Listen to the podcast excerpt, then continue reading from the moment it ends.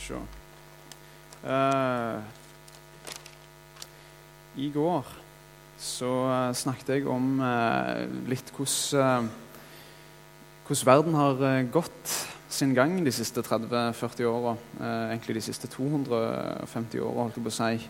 Jeg begynte med å forklare hvordan modernismen begynte i Europa med den franske revolusjonen. Og hvordan vi i dag har kommet til et punkt hvor uh, ting er fortfarende i endring igjen i, i, vestle, i den vestlige sivilisasjonen. Um, hvis vi bare kan få opp uh, første powerpoint-bilde, så skal vi lese uh, teksten. Dette er fra Efeserne, kapittel 4, vers 14-16 så skal vi ikke lenger være umyndige småbarn. Ikke la oss kaste hit og dit og drive omkring ved hvert eneste vindpust av en ny lære, så vi blir bytte for menneskers falske spill og listige, forførende knep. Men vi skal være tro mot sannheten, i kjærlighet og i ett og alt vokse opp til Ham som er hodet, Kristus. Ut fra ham blir hele kroppen sammenføyd og holdt sammen av hvert bånd og ledd Alt etter den oppgave hver enkelt har fått tilmålt. Så kroppen vokser og bygges opp i kjærlighet. Veldig viktig å sette eh, to streker unna at vi ikke skal la oss kaste hit og dit og drive omkring ved hver eneste vindpust av en ny lære som vi blir bytte for menneskers falske spill og listige, forførende knep. Og det er noe som jeg kommer til å holde veldig fokus på her i dag. Um, skal vi se.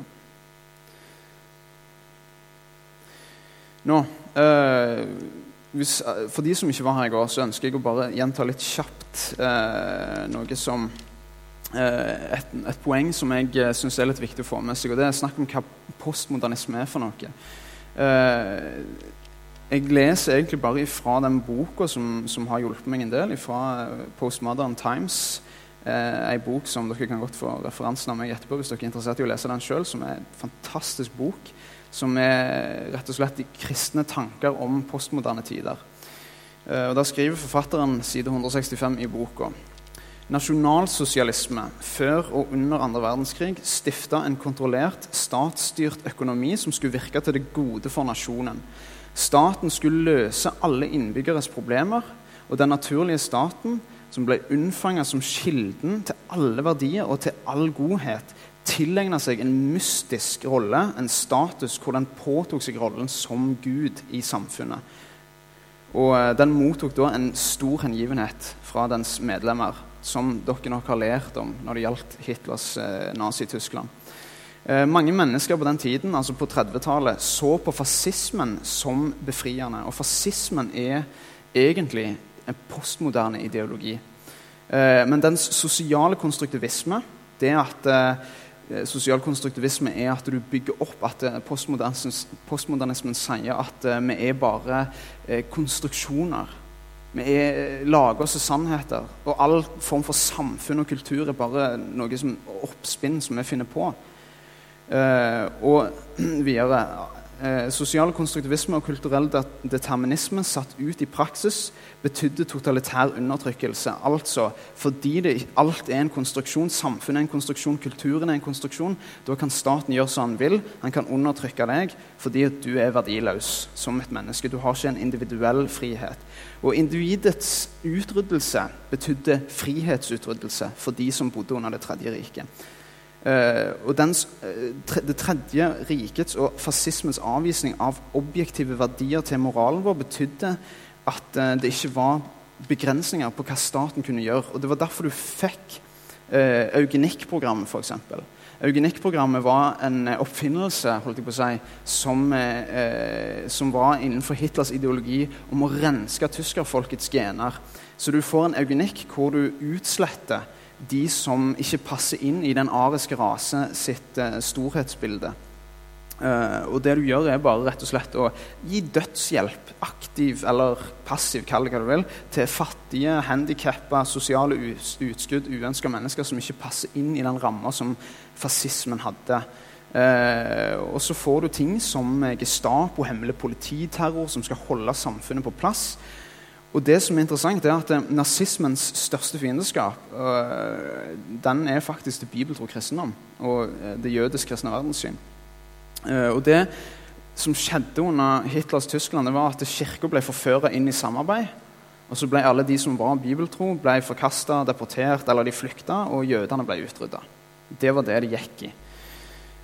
Nå Jeg viste òg en film eh, her i går eh, som, vi skal begynne, eh, som vi skal vise nå igjen. Og eh, den filmen eh, skal vi begynne midt inni den nå, da, fordi at eh, den er litt sånn, den er langdryg, denne her. Den er åtte minutter.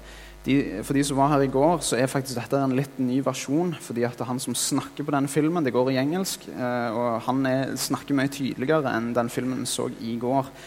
Så skal jeg vise den for dere, så skal jeg fortelle litt om den filmen etterpå. Så hvis vi begynner på ca. 3 minutter 50 sekunder, 4 minutter ute i filmen, så er det kjempefint.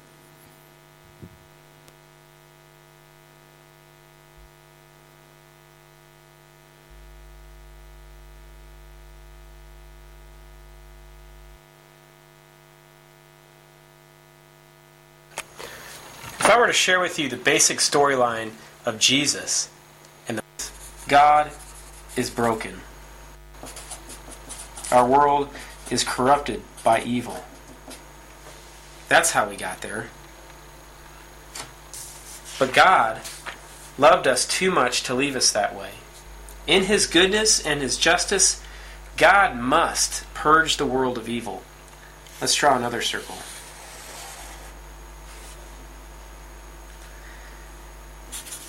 The world is messed up. But God, 2,000 years ago, entered our world as Jesus and started a resistance movement in the world. Jesus lived uh, as we were designed to live, in perfect love with God and with people. And he started that resistance movement against evil in the world. But it wasn't a military revolt. Instead, he showed us the way we were designed to live. He cast out evil and he brought healing to the sick and food to the hungry. He wants us to give he wants to give us the power to overcome the evil in us and the evil in the world. He wants to give us the power to love God and love people. You see, Jesus did this. He took all the evil of the world and died on the cross, letting our evil die with him. Jesus died the death that we deserved for our evil. And three days later, Jesus rose from the dead, proving that evil does not have the final word. In the mystery of faith, we die with Jesus. Poenget med denne filmen her er at det er så nært evangeliet og allikevel så langt ifra. Eh, fordi at Det han snakker om, er at Jesus kommer for å skape en resistans mot det onde i verden, og at han på korset befrir det onde i oss men det misser liksom hele loven, det misser hele evangeliet, det misser hele eh, konseptet om arvesynd. Så han forklarer evangeliet gjennom en haug av blandinger, av ideer, av etc., hvor han nesten når fram til evangeliet, men bommer på menneskets tilstand. Hva som egentlig er poenget med korset, og hva som egentlig er poenget med det Jesus kom for å gjøre. Um, og det, er, det vi skal gå inn på nå, er hvordan har det kommet til dette her? Og, og hvordan en kan liksom skille Clinton ifra hveten. Kan bare få powerpointen igjen. Yes. Nå, eh, det som er eh, tema for dette møtet her, er jo eh, kristentroen under angrep. Og det som er eh, interessant, er hvor kristendommen angripes fra i de siste tider. Eh, det som er interessant, er at eh, Satan sin, eh, sitt mål er å gi oss noe som er nesten evangeliet. Hvis Satan vet å gjøre noe bra, så er det å etterligne det Gud gjør, og selge det til oss stakkars mennesker.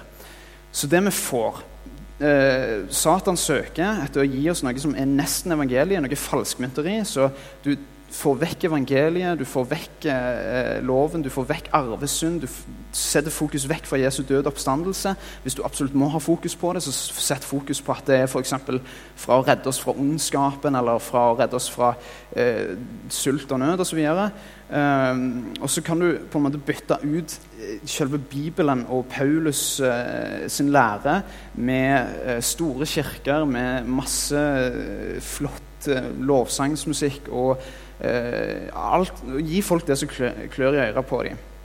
Eh, nå, De tingene som kommer i de siste tider i Den kristne kirke, det er vel at, at han angripes veldig innenfra. Fra kretser som vi antar å være trygge. Eh, økum, økumenikk er jo et uh, veldig sterkt å si, og farlig sidespill som mange driver med. og det Økumenikk er, er rett og slett Vi snakker om økumenikk, så snakker vi om å gå på tvers av denominasjoner. Sånn at lutheranere, baptister, sørstatsbaptister, pentecostals osv. kan samles under samme tak å dele nattverden, dele tro sammen. ikke sant? På tvers av våre forgreininger og uenigheter om dåp eller nattverd. Det som er Problemet er når økumenikken virkelig begynner å slå sitt slag for å gå på tvers av religioner. Eh, vi vil se mer lovløshet, uten tvil, og det ser vi allerede innenfor kristendommen. Altså, Evangeliet blir utvatna, og du får gnostisisme og økumenikk mer og mer inn i kirka. Jeg har faktisk klart å skrive økumenikk to ganger, ser jeg. Og så ser dere tre navn jeg har skrevet opp der. Joel Osteen, Rick Warren og Robert Schuller. Den øverste og den nederste eh, skal ikke ta for mye på. Eh, blir litt om Joel Osteen etter hvert. Robert Schuller er en eh, svært innflytelsesrik pastor i Crystal Cathedral Church i California. Um, og har prestert å si ting på radiointervjuer som at eh, det å påstå at mennesker har synd og er syndige, det er å rakke ned på deres verdighet. Uh, Rick Warren, tenker dere. Hva i all verden står han der for? Vel, Rick Warren vet jeg er populær blant veldig mange i NLM. Uh, jeg vet at han er en mann som har blitt høyt akta. Men la oss snakke litt om Rick Warren, hva han faktisk driver med. For det har blitt verre i uh, de siste tider med det han holder på med. Det bildet dere ser her, det er Rick Warren sammen med en berømt artist ved navn Cat Stevens. Cat Stevens eh, konverterte til islam for mange år siden og går nå under navnet Yusuf Islam. Eh, Rick Warren ble for ikke så lenge siden invitert til Islamic Society of North America. Eh, og De hadde en samling der Rick Warren snakket om det å imøtekomme hvordan kristne og muslimer kan møtes uten gnisninger og uten uenigheter. Ok, greit nok. Det som da har skjedd i det siste, er at Saddleback Church, det som er Rick Warrens kirke, den han er pastor for, har kommet opp med en trepunktsplan om hvordan de skal forene muslimer og kristne mer og mer. Nå, det som er eh, veldig skremmende med dette, her, det er at du, de vil tilsidesette veldig mye av altså Vi snakker om å svelge ikke bare kameler, men rett og slett forkaste store deler av, av eh, Nye testamentet til fordel for en trepunktsplan eh, hvor muslimer og kristnes misforståelser etter 1400 år skal legges til side. Fordi, som Rick Warren sjøl sa når han var og talte på, eh, de, eh, på de, eh, Islamic Society of North America, så sa han at vi tilber jo den samme nådefulle Gud. Og dermed så ser vi ikke poenget med at vi skal ha våre uenigheter. Og da tenker jeg ille. Fordi at Rick Warren er en svært innflytelsesrik mann. Han eh, har i mange år skrevet bøker som i og for seg har vært veldig solide. Og, og jeg vet at veldig mange har likt han på mange måter, på måten han har gått på kirkevekst på osv. Men han er faktisk en livsfarlig nettopp fordi han har stor innflytelse. Nettopp fordi han er så vanskelig å eh, på en måte ta på kornet hva som er galt med han. Men nå begynner han jo å vise det mer og mer. La oss se den neste filmen. Eh, så skal jeg bare forklare fort hva den er for noe. Det er en annen pastor ved navn John MacArthur, som er pastor i Grace to You Church i California. Som i løpet av en tale da, så snakker han om boka eh, som Rick Warren har skrevet. Den mest berømte boka, tenker jeg, 'Et målrettet liv', som jeg vet jeg har lest, og mange her inne har lest. Og Jeg vil at dere skal bite dere merke i hva John MacArthur sier om den boka hans. Snurr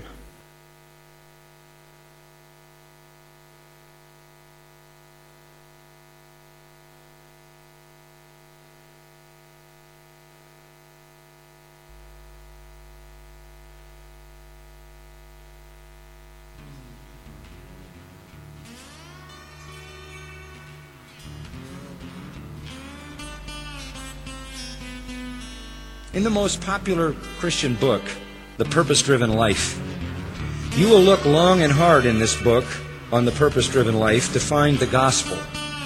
Now, I don't know how you could ever live a purpose driven life if you didn't know how to get into the kingdom of God or how to be saved. And as I went through the book, this is the gospel presentation, the only one that I found. First, believe. Believe God loves you and made you for his purposes. Believe God has chosen you to have a relationship with Jesus, who died on the cross for you. Believe that no matter what you've done, God wants to forgive you. Second, receive Jesus into your life as your Lord and Savior. Receive His forgiveness for your sins. Is there anything missing there? What might be missing there? Repentance. So I invite you to bow your head and quietly whisper the prayer that will change your eternity. Jesus, I believe in you and I receive you. What Jesus? Who did what? Where's the resurrection? It goes on, if you sincerely meant that prayer, congratulations! Welcome to the family of God. How does he know who's in the family of God? No repentance, no judgment, no hell, no heaven, no self denial, no discussion of sin, no laying down of the law of God against which the sinner is broken, no sense of guilt, no sense of condemnation, no fear of eternal torment. That is an inadequate gospel. That is a gospel that I will tell you will contribute to apostasy. It'll contribute to defection. Because people are going to come to that which they think is the saving message, and when it doesn't do anything, they're gone. A shallow gospel presentation that doesn't present the reality of eternal judgment, the reality of the law of God, the reality of condemnation, eternal hell, does not warn of God's wrath, that does not crush the sinner under the weight of his violation of the law of God, that does not make him stand before God guilty. The gospel presentation that doesn't do that isn't a faithful gospel presentation. And then to tell somebody, Welcome to the family, as if you knew, this is fantasy.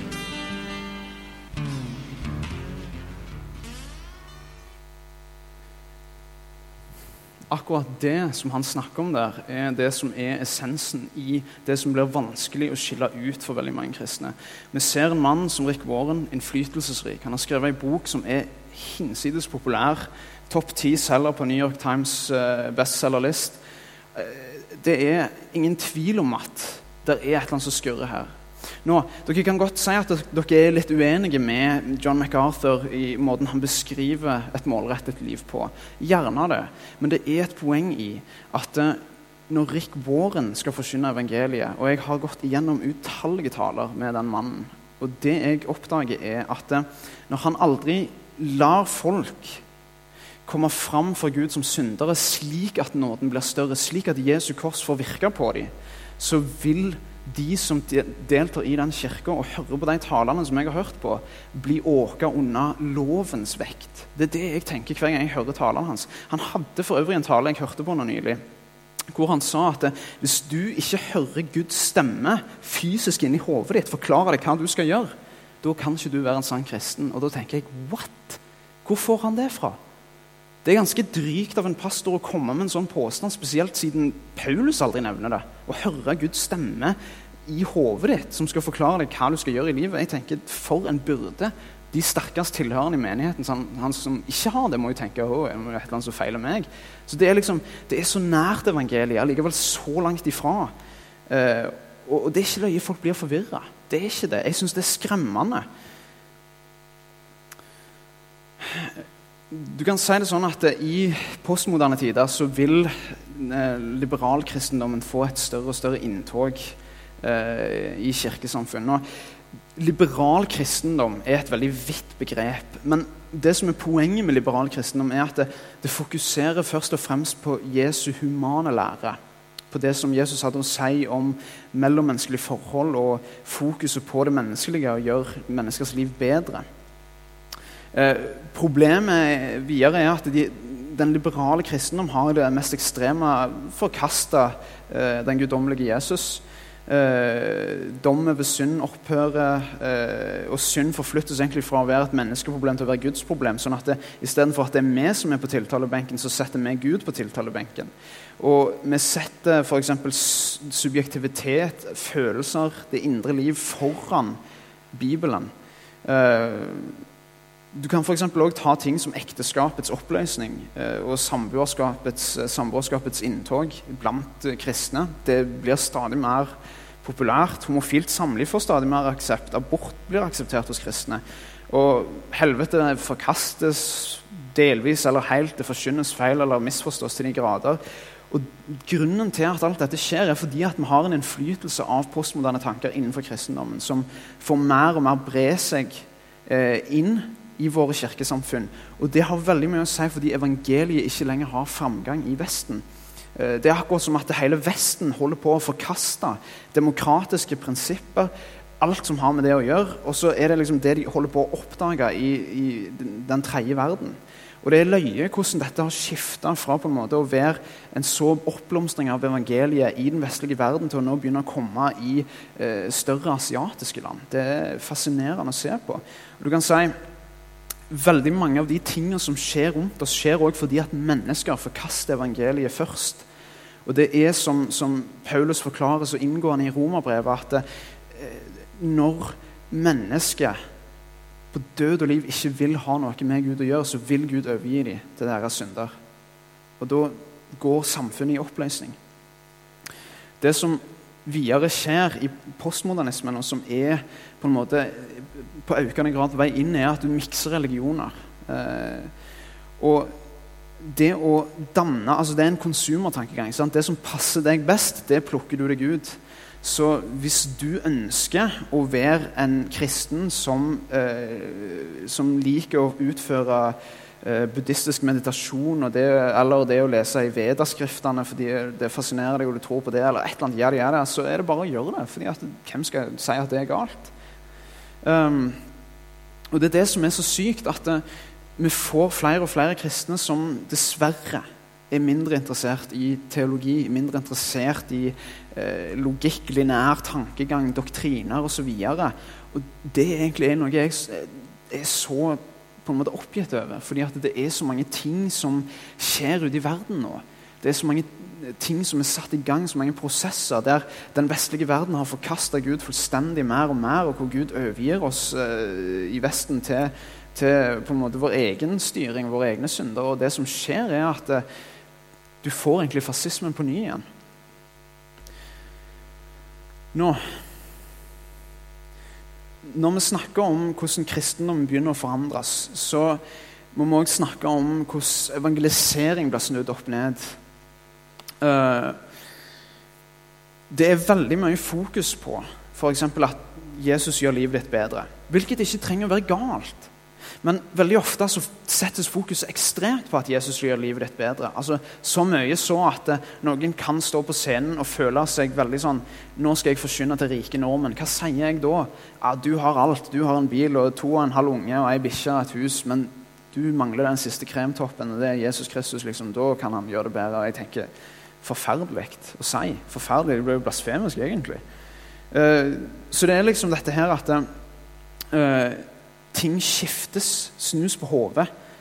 Og for eksempel, Før i tida så var det slik at eh, hvis du hadde rett teologi, så ville du få opplevelser med Gud. Nå er det mer sånn hvis du har opplevelser med Gud, så må du jo ha rett teologi, uavhengig av hvor du kommer fra. Og Det som òg er interessant, det er at det der ta et valg-kristendommen har fått et veldig inntog. Nå, Det må jeg forklare litt mer nøye. Ta et valg, kristendommen. Det er eh, noe som er på en måte brukt veldig overalt. Det er noe som jeg ikke eksempel, klarer å gjøre. Altså, det at du har et møte, og så kan du på en måte si etter å ha forsynt evangeliet, så kan du si hvem vil gjøre et valg for Jesus Kristus i dag? Reis opp i hånd, skal jeg be for dere, og så kommer dere inn og så tar dere imot Jesus. Og Det som er problemet med det, er at eh, Bibelen har faktisk aldri snakket om det å ta et valg for Jesus. Ikke på den måten som vi har klart å gjøre det til. Vi har klart å gjøre det til en greie hvor vi kan forsyne evangeliet på fem minutter, og så sier vi at folk skal ta et valg for Jesus. Jeg tenker, hva i all verden tror du? Det som er, er at når, du, når vi forsyner evangeliet, når vi forsyner Bibelen, så eh, vil Den hellige ånd være det som jobber i folk. Vi trenger bare å si hva er evangeliet. Vi trenger bare å forsyne Guds ord. Og tror du meg, folk vil virkelig ta et valg for Jesus helt på egen hånd når de blir gjennombora av ordets tveegga sverd. Det er det ingen tvil om. Men igjen så er dette en sånn greie hvor det er litt sånn på vippepunktet. Du kan si til folk ja, du må faktisk gjøre deg opp en mening. Det, det, kan du si til folk. Men det som er problemet er at vi drar det så langt at uh, vi sier det at uh, folk skal gjøre et valg for Jesus etter å ha hørt et evangelium spytta ut på to-tre minutter, sånn som den introfilmen viste. Og da tenker jeg, hva forstår du egentlig av evangeliet da? Det er der som den skjødesløsheten som har kommet i forhold til dette med at vi, skal, altså, vi er opptatt av å få så mange som mulig frelst, og det er bra. Det er bra Vi er ute etter å forsyne evangeliet til de fortapte. Vi ønsker at flest mulig folk skal få erfare det å bli frelst og frigjort av Jesus Kristus i sannhet. Men vi gjør det på bekostning av evangeliet. Det er det som er så paradoksalt. Det er det som skjer i den vestlige verden. Og det som er interessant, Ikke engang Arminius Jeg skal ikke forklare så mye hvem det er, men Arminius hadde en teologi som het som, altså Arminianismen opprinner fra Arminius. Og Han hadde en teologi, han og Thomas Aquinas, for eksempel, hvor de vektla menneskets frie vilje veldig mye. Uh, og at det på en måte er sånn samarbeid i frelsesprosessen. Nå, Jeg er veldig uenig med Arminius og Aquinas, men det er noe annet. Det som er Poenget er at ikke engang Arminius og Thomas Aquinas uh, vektla menneskets vilje nok til at du faktisk kan ta et valg etter å ha hørt et, et kvasi-evangelium forkynt deg på to minutter. Og Det er det som jeg syns er litt påfallende. at det, det er i løpet av de siste 50 åra vi har fått disse vanvittige endringene som dere leser om bak der, i forhold til en moderne og tilpassa evangelisering. Um, og det er det som er så farlig. Ser, den, den, siste tingen jeg skal nevne når det gjelder dette med å ta et valg, evangelisering, er at det har veldig lett for å lede til massesuggesjon. Massesuggesjon La oss snakke litt om det. Suggesjon det er jo et, en effekt du oppnår eh, ved f.eks. å fort spre en doktrine, en ideologi eller en lære. Eh, og Sånn som f.eks. når fascismen fikk sitt inntog og Hitler kom til makta. Han bruker propagandamaskineriet for alt det er verdt til å få folk til å tro at det han sier, er sant. Dermed får du en suggesjon. Folk begynner å følge det. Hei, han kan gjøre livet vårt bedre. Folk sleit i de harde 30 åra. Så Hitler kommer, han kan gjøre livet vårt bedre. Vi følger han. Og så blir det en sånn suggesjon. Alle blir fengt av det. Det, det går en, en, horde av mennesker som påvirkes av dette her på no time. Og før vi vet ordet av det, så har dette her skapt en sånn Ja, alle andre her ja, vil dette her. Ok, jeg òg vil dette her. ikke sant? Vel, så har du en haug av folk som etter andre verdenskrig står og sier Hva skjedde? Hvorfor ble jeg revet med av dette? Hva, hva skjedde med meg? Hvorfor gjorde jeg dette? Jeg er ikke for fascismen. Men allikevel, midt under det, så var de helt med på det. Og det er derfor jeg syns det er farlig med dette med å ta et valg. Hvis du forsyner evangeliet til en mengde på 10 000 mennesker på et fotballstadion, og du sier til dem dere må ta et valg for Kristus her og nå, så har det veldig lett for å lede til suggesjon. Dermed kan du risikere at ok, la oss si at 3000 av dem tar imot Jesus. Hvor mange av dem tror dere virkelig kommer til å følge i kristendommens fotspor i en sann tro. Det er svært få. Det er det jeg er redd for. Ofte fordi at det, evangeliet de har fått, er utvatna. Det er tragisk, men det er sant. Fordi at det, det, det blir til en konsumertankegang. Vi skal være effektive, vi skal forkynne det fort. Og det blir som å bygge et billig hus. Du raser av gårde, kjøper de billigste materialene du finner, og huset står jo ikke til påske. Det er jo så tragisk med måten evangeliseringen har blitt til i Vesten og farlig. Nå, En av de tingene som postmodernismen eh, beskriver som en, en, viktig del av menneskers liv, er eh, en terapeutisk kultur. Vi mennesker skal søke psykisk og følelsesmessig velbehag. Eh, så, så, vi ønsker heller et trosliv basert på gode, varme følelser, eller at det passer meg best, framfor objektive fakta og sannheter som Bibelen gir. Um, de punktene her det er moralistisk terapeutisk deisme og har spredd seg som en farsott i USA. Når vi leser de, så står det følgende En Gud skapte verden og våker over den. Så det definerer jo egentlig ingenting. Hvem er den guden? Hva er hva? Og så videre. Gud vil at vi skal være snille og rettferdige mot hverandre, slik verdensreligioner lærer oss. hovedmålet i livet er lykke og det å føle seg bra. Og trenger ikke å ha Gud så involvert i livet ditt, ikke være så seriøs. Og gode mennesker kommer alltid til himmelen når de dør. Og alle fryktelige mennesker utslettes, eller et eller annet i den duren. Og det er veldig mye av det som har blitt blanda inn med evangelisering. Fordi at det, du får en, en, et punkt hvor du skal prøve liksom, å gjøre kristendommen attraktiv for mennesker. Så vi forkaster det de helst ikke vil høre. Det som faktisk er vanskelig for alle. For å få det til å bli tilpassa en tid som vi lever i nå. Men jeg tenker, når jeg, når jeg ser på dette, her, så tenker jeg for et åk å ha på skuldrene mine. Altså, Gode mennesker kommer alltid til himmelen når de dør. Vel, Da kan jeg rekke opp ei hånd. Jeg blir i hvert fall ikke en av de. Og det vet jeg, fordi jeg kjenner meg sjøl innvendig. Så dette her er en forferdelig moralisme. For et åk det er å ha på seg og gå rundt med dette her, tenker jeg. Men det er det moderne evangelisering leder til. Uh, Se her Her tok en kveld, men du kan ta opp neste bilde på powerpointen. Slike forkynnere eller pastorer som eh, Joel Osteen er egentlig enda mer åpenbare enn Rick Warren. Han er mindre skummel sånn sett fordi at det, her, her, er det veldig tydelig. Dette er ekstremt postmoderne. Det, er, det handler om ditt liv nå, ditt beste liv nå. Konsumertankegang. Han har jo 50 000 pluss tilhørere i menigheten sin. En gigantisk basketballstadion med rulletrapper og alt og flere etasjer opp gjennom. Det er klart, det er populært. Det er sinnssykt populært. Fordi at Konsumertankegangen handler om at du shopper det du vil ha. Og Hvis en pastor kan komme og fortelle deg at det er syv, eh, eh, syv nøkler til å eh, forbedre hverdagslivet, eller syv steg til å leve i ditt fulle potensial, det er klart det blir populært. Hvem vil ikke ha et bedre liv nå? Det er jo noe alle mennesker søker etter. Men dette her er faktisk semignostisisme.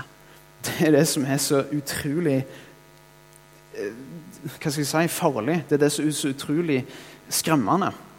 Eh, gnostisismen for eksempel, sa jo det at eh, det å kjenne hemmeligheter det, er det som er nøkkelen til frelse. Eh, den sa at det, materien i verden, den fysiske verden, er ond, den åndelige er god. Og så hadde han dualisme. Han satte et veldig tydelig skille mellom at den åndelige verden kan ikke komme inn i den fysiske. Med andre ord, Jesus kan ikke være Gud og menneske samtidig. Og så, videre, og så, videre. så det var veldig mange lærdom, altså ting i gnostisismen som krasja totalt med kristendommen. Og Dette her blir en av, av, av disse punktene hvor en pastor kommer inn og gir deg sånne dette bør være en del av livet ditt. Hvis ikke så kan ikke du være en sann kristen. Hvis du sliter med dårlig helse, hvis du har kreft eller du eh, har hjert, fått hjerteinfarkt, eller et eller annet sånt, da kan ikke du være en sann troende. Fordi Gud vil ikke tillate at sånne ting skjer med hans barn. Helt utrolig hva, hva byrde du kan lempe på folk da når du gir dem sånne ideologier, si, sånne evangelium.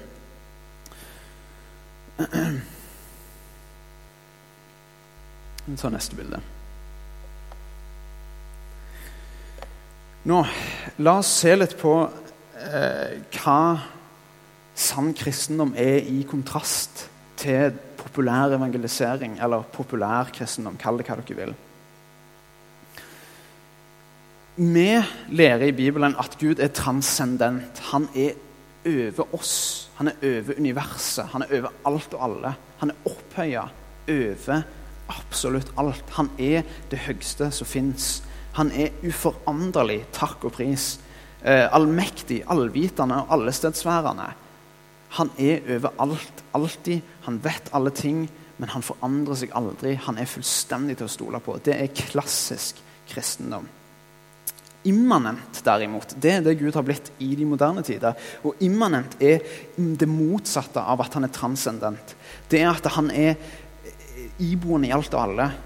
Og han er til stede. Han er liksom foranderlig. Du kan forme han sånn som du vil.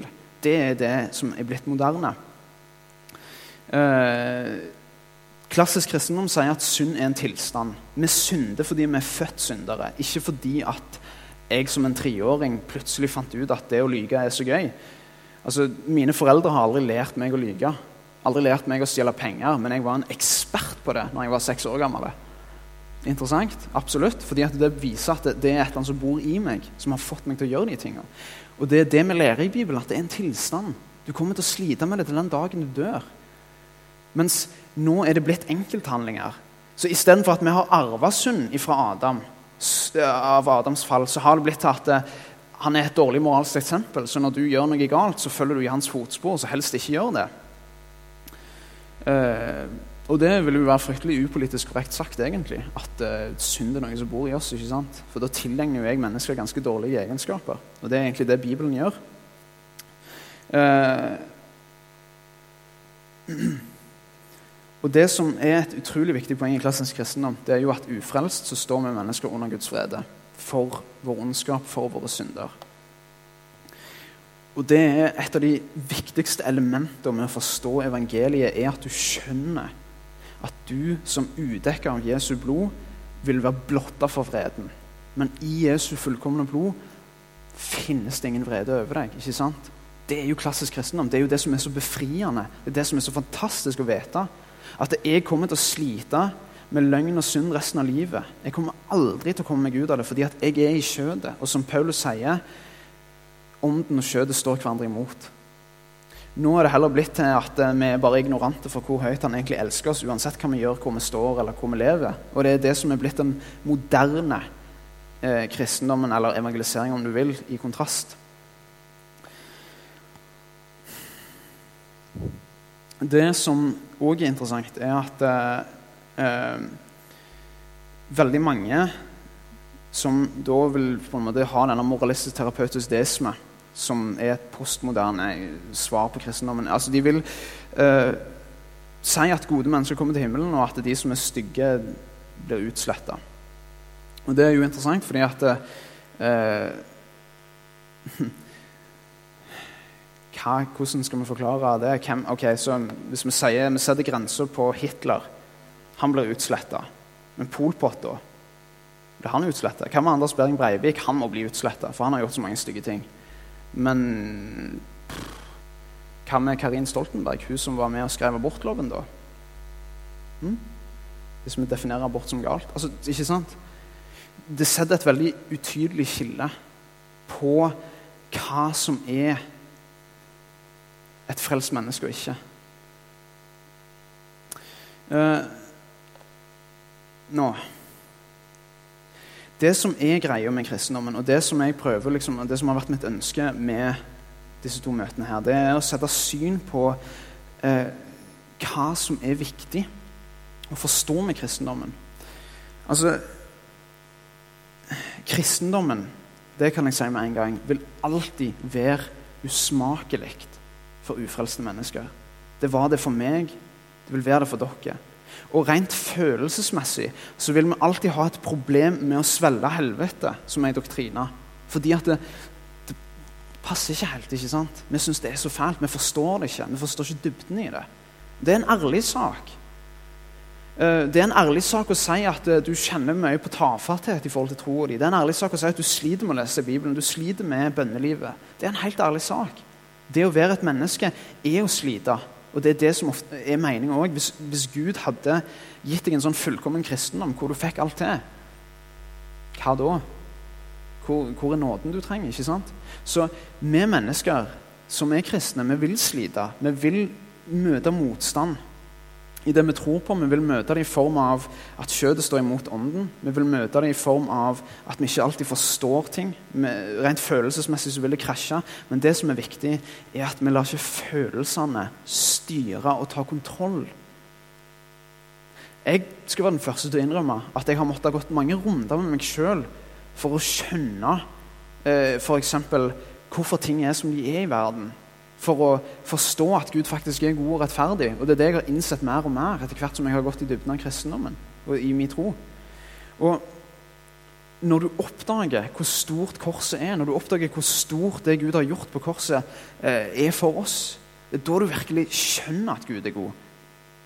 Nå, det, er nemlig, det som da er problemet, er at når en aldri tillater mennesker å oppdage disse tingene her med å fortelle dem at du er under loven uten Kristus, og du må komme inn under Kristus for å bli i nåden, så vil de heller aldri søke klassisk kristendom. Eh, veldig mange av disse gode, solide lærerne vi har hatt opp gjennom tidene, fra Luther i reformasjonen fram til Charles Spurgeon på 1800-tallet i England osv. Eh, Øyvind Andersen kan jo òg nevnes. Altså, mange av de vil ikke bli lest. Bøkene deres blir ikke rørt. Og veldig mange kristne rører ikke Bibelen sin heller. Så det at en da får en slik type kristendom som dere så i den første filmen, her, som er nesten evangeliet, eller at Rick Warren blir en utrolig populær eh, forkynner blant veldig mange solide kristne, fordi at de ser ikke hele bildet med han. Det er det som skjer, og det er det som jeg ønsker at dere skal prøve å tenke litt etter. Når dere hører en forkynner, når dere ser en forkynner snakke, meg, alle som står på en scene og prøver å fortelle dere evangeliet eller forklare dere noe om kristendommen eller bibeltekstene, så må dere ha sunn kritikk til det. Ikke, ikke nedverdigende kritikk, men sunn kritikk. Det jeg hører, er det i tråd med det Bibelen sier. Men er det ikke paradoksalt? Hvordan skal vi gjøre det hvis vi ikke er gode nok på å lese Bibelen?